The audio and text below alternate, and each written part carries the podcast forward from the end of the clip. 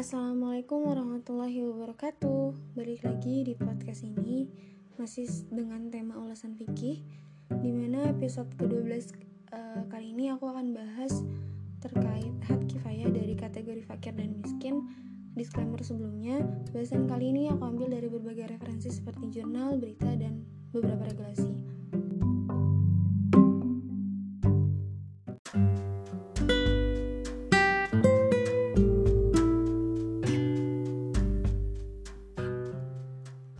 salah satu penerima zakat yang kita tahu adalah fakir. Biasanya istilah fakir ini selalu disandingkan dengan miskin, sehingga biasa kita sebut fakir dan miskin. Uh, yang berarti uh, orang yang kekurangan dalam memenuhi kebutuhan hidupnya. Padahal keduanya memiliki perbedaan dan para ulama banyak membicarakan hal ini. Fakir dan miskin masing-masing punya pengertian uh, tersendiri. beberapa ulama berpendapat bahwa Orang fakir adalah orang yang betul-betul tidak mampu mencukupi kebutuhan pokoknya atau dia masih bingung akan makan apa hari ini dan makan apa uh, untuk esok hari. Selanjutnya, uh, miskin adalah kelompok yang memiliki penghasilan yang pas untuk mencukupi kebutuhan pokoknya saja. Menurut uh, Undang-Undang Nomor 13 Tahun 2011 tentang Penanganan Fakir Miskin pada bab 1 uh, pasal 1 di mana dalam undang-undang ini menyebutkan bahwa fakir miskin ini adalah orang yang sama sekali tidak mempunyai sumber mata pencaharian dan atau mempunyai mata pencaharian tetapi tidak mempunyai kemampuan memenuhi kebutuhan dasar yang layak bagi kehidupan dirinya atau atas keluarganya. Nah, di dalam uh, fakir dan miskin ini terdapat had kifayah yaitu merupakan batas kecukupan atau standar dasar kebutuhan seseorang atau keluarga ditambah dengan kecukupan tanggungan yang ada sebagai upaya untuk menetapkan kelayakan penerimaan zakat mustahik fakir miskin sesuai dengan kondisi wilayah dan sosioekonomi setempat. Adanya had kifayah ini sangat membantu dalam menggambarkan kadar kecukupan kehidupan seseorang atau sebuah rumah tangga apakah tergolong mustahik fakir miskin atau tidak yang ditentukan berdasarkan pada sebuah kondisi dan wilayah tertentu.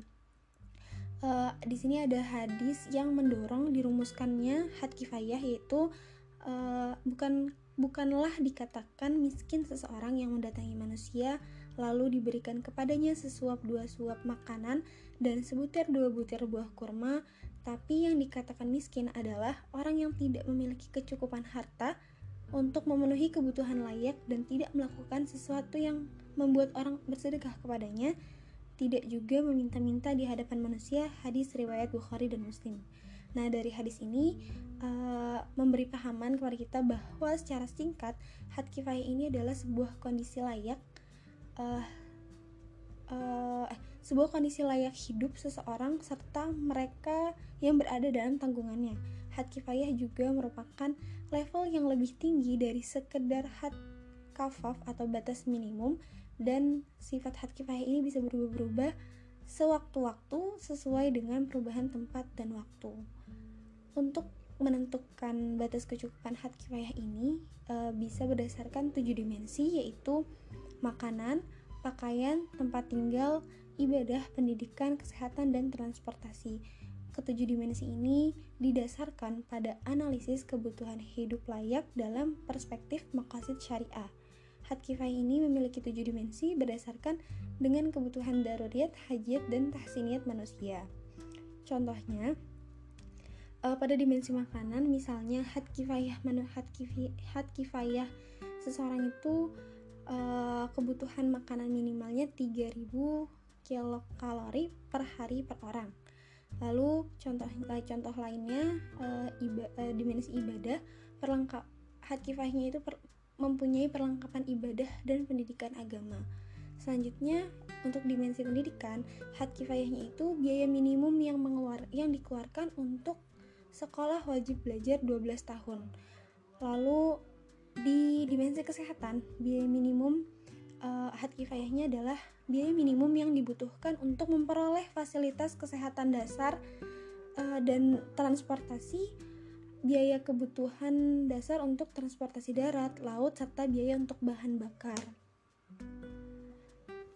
uh, mis mis kita misalkan bahwa di Indonesia memiliki hak kifayah mencapai 3 juta per keluarga per bulan di mana dari angka tersebut uh, terdapat beberapa rekomendasi untuk penyaluran dana zakat berdasarkan hak kifayah di mana keluarga dengan pendapatan di bawah 1 juta uh, per bulan menjadi prioritas pertama untuk dibantu. Selanjutnya, keluarga dengan penghasilan antara 1 sampai 2 juta per keluarga per bulan menjadi prioritas kedua untuk dibantu.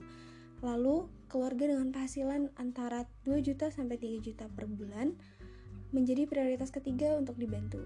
Dan keluarga dengan penghasilan di atas had kifayah namun belum uh, mencapai his namun masih di bawah nisab zakat uh, ini menjadi prioritas keempat untuk dibantu.